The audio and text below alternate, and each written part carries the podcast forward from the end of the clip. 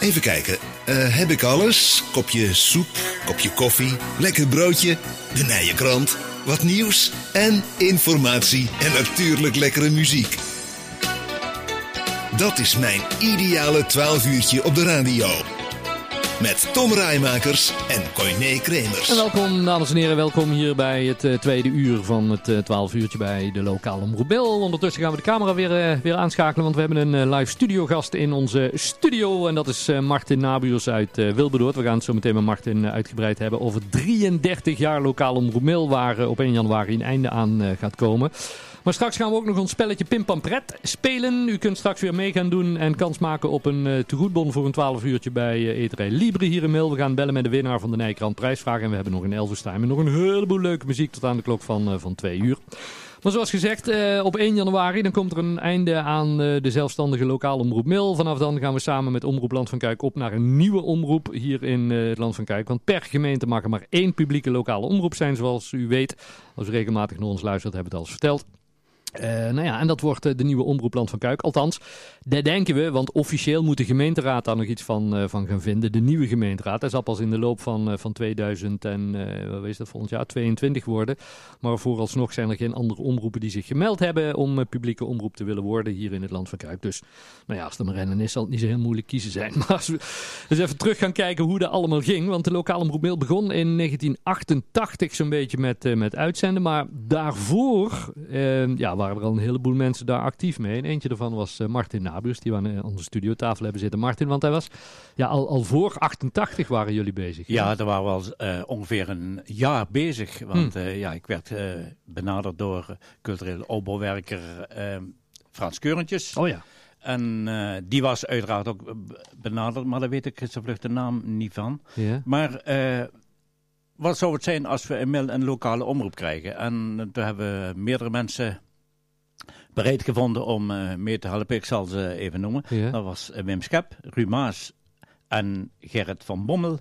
En uit Langebroem Tony Willems. En samen zijn we aan de slag gegaan om uh, ja, de onderzoeksfase van de, de haalbaarheid. Voor, Ja. uh, we zijn diverse uh, lokale omroepen wezen kijken. uh, studio's, bedrijven die apparatuur leveren. Hm. Um, informatie van wat heb je nodig aan vergunningen en... Hoe, hoe, werkt een lokale omroep Ja. op zich? Want, En, want uh, waren er toen al zoveel lokale omroepen dan? Heel weinig. Maar we hadden Ja. toen uh, uh, redelijk goede contact met de omroep Wiegen. Ah, ja. En uh, daar zijn we dus ook uh, ja, diverse keren geweest en ook uh, het advies gekregen van ja, wat heb je aan apparatuur nodig en, en een wegwijs gemaakt van ja, de, de, be, de bewandelen Ja. Routes om uh, tot een uh, lokale omroep te komen. Ja, en, en, vanuit welke positie was je, werd jij gevraagd door Frans Keurentjes? Nou, ik zit al volop uh, in de muziek. En uh, ja, net Wim Schep, die was uit, vanuit ja, de middenstand, zeg maar. Ja. Dus een bedrijf, uit, uit, uit het bedrijfsleven. Ja. Leven. En Gerrit van Bommel ook. En uh, Tony Willems was ook uh, iemand van de, van de techniek, zeg maar. Ja. En uh, zodoende hebben we samen onder leiding van Frans Keurentjes... Zijn we vaak bij elkaar geweest. En tot de conclusie gekomen dat het echt kon in, Ja. Ja, want, want ja, je kunt werken in deze tijd bijna niet, niet, niet voorstellen. In de, in, de, in de mediawereld van nu en iedereen heeft Ja. computers en iedereen Ja. kan eigenlijk, eh, als, je- als je nou bedenkt, ik wil op internet iets uit gaan zenden, ben over een half uur online. Ja. Maar ja, in die tijd dat was heel anders. Was heel moeilijk. Was heel moeilijk. Dus uh, ja, uh, toen, hebben we de, toen kwam de Hilbo. Mhm. En daar wouden we dus uh, ja, ons kenbaar maken. En daar hebben we dus een stand gehuurd en wat filmpjes gemaakt. En ter plekke met interviews en, uh, en, en dergelijke. Dat was ook nog een heel gedoe, want ja, moest, uh, ja, de apparatuur, we hadden niks. Dus Hm. we moesten de apparatuur allemaal inhuren. En we zaten, de heleboel was uh, achteraf, dus we moesten nogal uh, wat uh, materiaal hebben om uh, toch in de lucht te komen. Dus Ja, dat was toch wel, uh, maar dat was toch goed gelukt, wel een beetje wazig beeld, maar ja, het, het was toch acceptabel. Ja, maar het, het was gewoon Tom 88. eh, Ja, dat was wel en- zo. En ja. daarna hebben we dus een haalbaarheidsonderzoek ge- eh, gedaan. En toen hebben we uh, het hele gemeentehuis afgehuurd. Hm? En uh, nou, iedereen kreeg een lijst met uh, telefoontjes. En we hadden dus een uh, live uitzending, op de uh, radio-uitzending uiteraard. Ja. En ehm, ja, er werden gewoon uh, klakkeloos mensen gebeld van... eh, luister je op dit, op dit moment naar de lokale omroep? Ja. Dus was er wel van tevoren ook wel in de courier eh Ja. flink reclame voor gemaakt. Ja. Luister je op dit moment? En ja, eh, waarom? En eh, wat vind je ervan? en heb je er eventueel ook eh, financiën voor over? Oh ja. En, eh, of mensen die eh, zeggen van, nou ik luister niet. Ja, waarom luister je niet? Ja. Of eh, dat je niet wilt. Of eh, dat je het niet leuk vindt. Of Hmm. ik, ik heb helemaal geen in- interesse. En zo toen kwam het tot een conclusie dat het ja, toch echt wel haalbaar was. Ja. ja en toen aan de slag. Ja. Dus ja, het werd overal...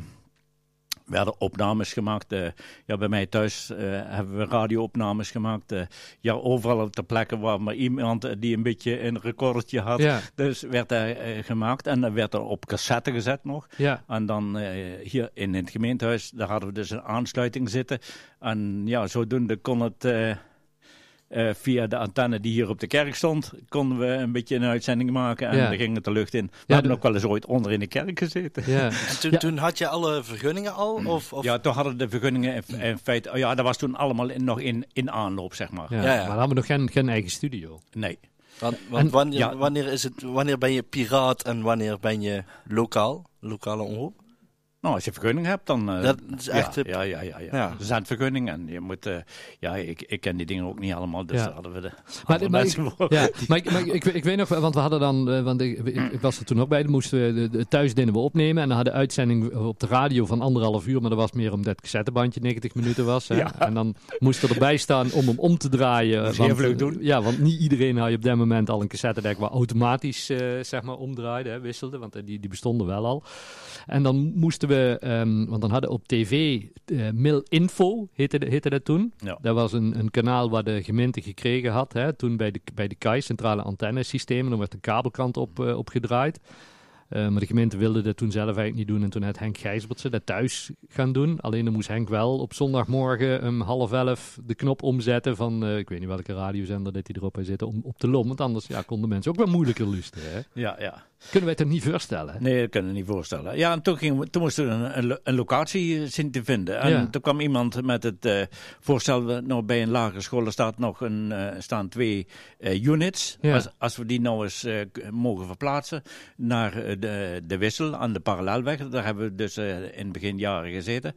En eh, als we nou van, vandaar, eh, als we die daar nou kunnen plaatsen en daar een studiootje van maken. En, Hmm. en dat ging allemaal in, in een radiostudio. En we hadden dus alles een beetje compleet. En, en dan konden we mooi, Ja, dan kwam achter, achter, de, mooi vooruit. achter de wissel, hè, aan de Achter de wissel, ja. kwam ze. Eerst, En, eerst eentje en daarna een tweede er nog Ja. erbij gekomen. Hè? En toen kwam er de antenne bij staan. ja.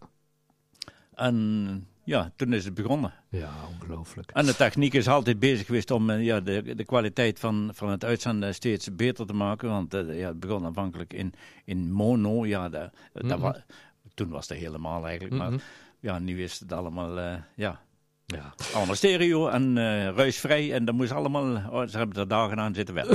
We, gaan, eh, we gaan even een stukje muziek eh, draaien. Dan gaan we zo, met- zo meteen eens even kijken naar de groei, hoe we toen allemaal doorgingen. Want ja, ik zeg, als je er zo over praat en denkt, hoe, hoe is het mogelijk in die tijd? Als je de techniek van tegenwoordig eh, ziet.